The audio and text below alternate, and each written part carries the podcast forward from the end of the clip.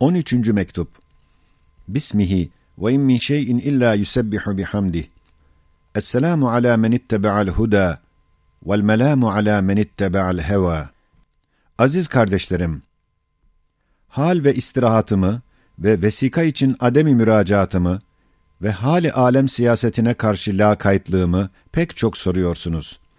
Şu sualleriniz çok tekerrür ettiğinden, hem manen de benden sorulduğundan, şu üç suale yeni Said değil, belki eski Said lisanı ile cevap vermeye mecbur oldum.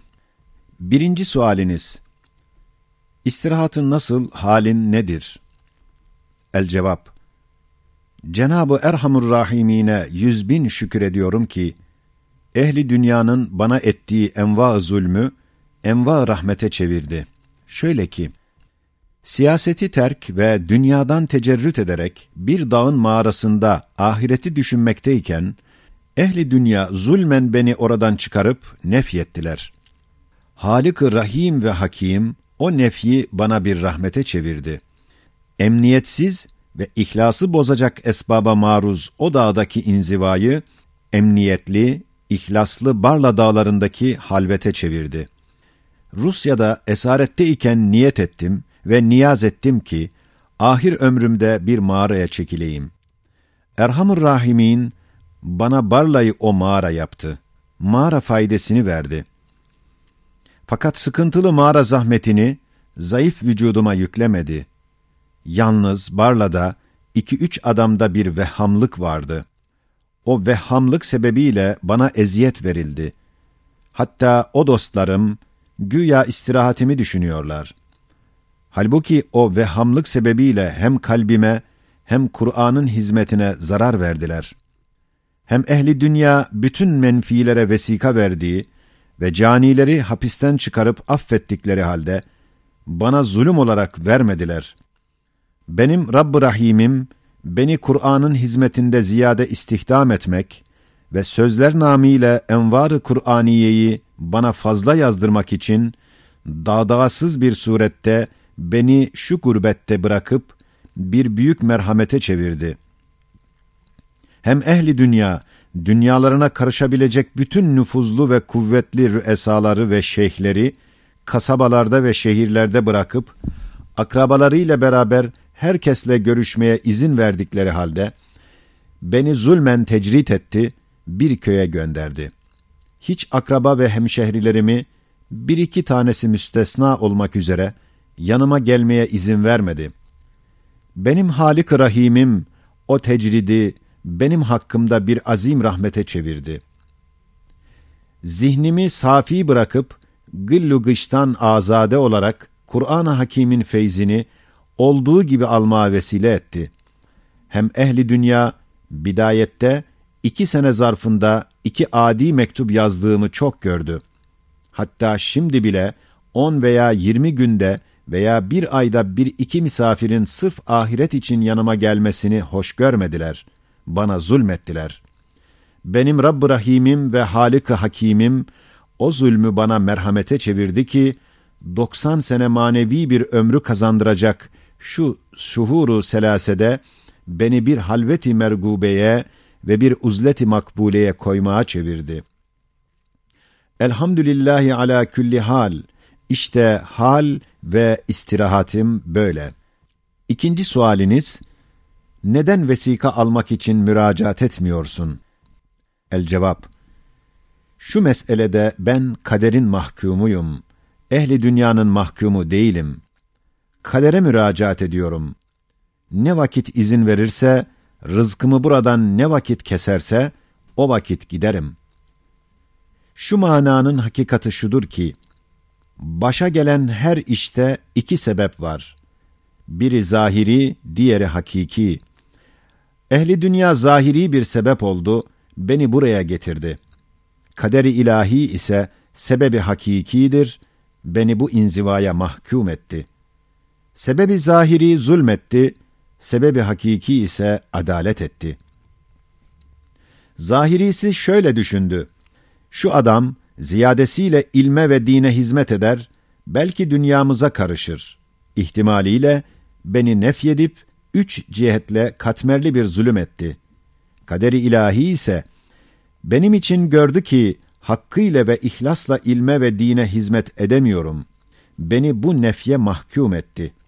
Onların bu katmerli zulmünü muzaaf bir rahmete çevirdi. Madem ki nefyimde kader hakimdir ve o kader adildir, ona müracaat ederim. Zahiri sebep ise zaten bahane nev'inden bir şeyleri var. Demek onlara müracaat manasızdır. Eğer onların elinde bir hak veya kuvvetli bir esbab bulunsaydı, o vakit onlara karşı da müracaat olunurdu.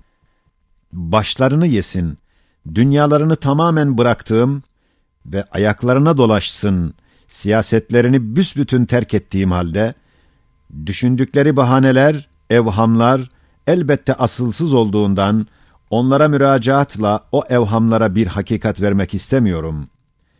Eğer uçları ecnebi elinde olan dünya siyasetine karışmak için bir iştiham olsaydı, değil sekiz sene, belki sekiz saat kalmayacak tereşüh edecekti. Kendini gösterecekti. Halbuki sekiz senedir bir tek gazete okumak arzum olmadı ve okumadım. Dört senedir burada taht-ı nezarette bulunuyorum. Hiçbir tereşüh görünmedi.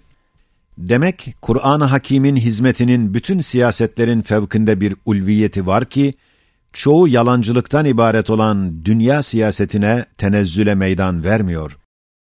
Ademi müracaatımın ikinci sebebi şudur ki, haksızlığı hak zanneden adamlara karşı hak dava etmek, hakka bir nevi haksızlıktır, bu nevi haksızlığı irtikab etmek istemem. Üçüncü sualiniz, dünyanın siyasetine karşı ne için bu kadar lakaytsın?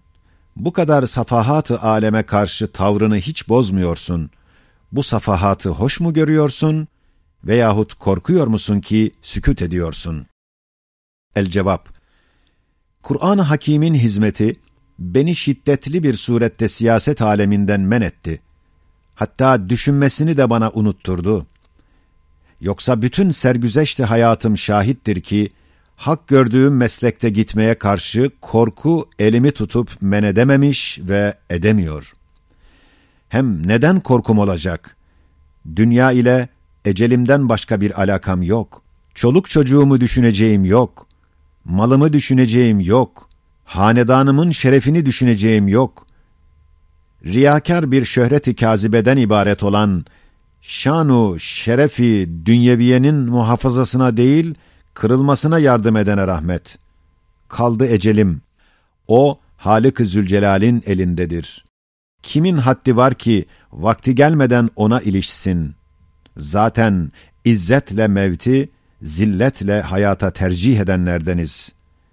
Eski Said gibi birisi şöyle demiş. وَنَحْنُ اُنَاسٌ لَا تَوَسُّطَ بَيْنَنَا لَنَا الصَّدْرُ دُونَ الْعَالَم۪ينَ اَوِ الْقَبْرُ Belki hizmeti Kur'an, beni hayatı içtimaiyeyi, siyasiyeyi, beşeriyeyi düşünmekten men ediyor. Şöyle ki, hayatı beşeriye bir yolculuktur. Şu zamanda Kur'an'ın nuruyla gördüm ki, o yol bir bataklığa girdi. Mülevves ve ufunetli bir çamur içinde kafile-i beşer düşe kalka gidiyor. Bir kısmı selametli bir yolda gider. Bir kısmı mümkün olduğu kadar çamurdan, bataklıktan kurtulmak için bazı vasıtaları bulmuş.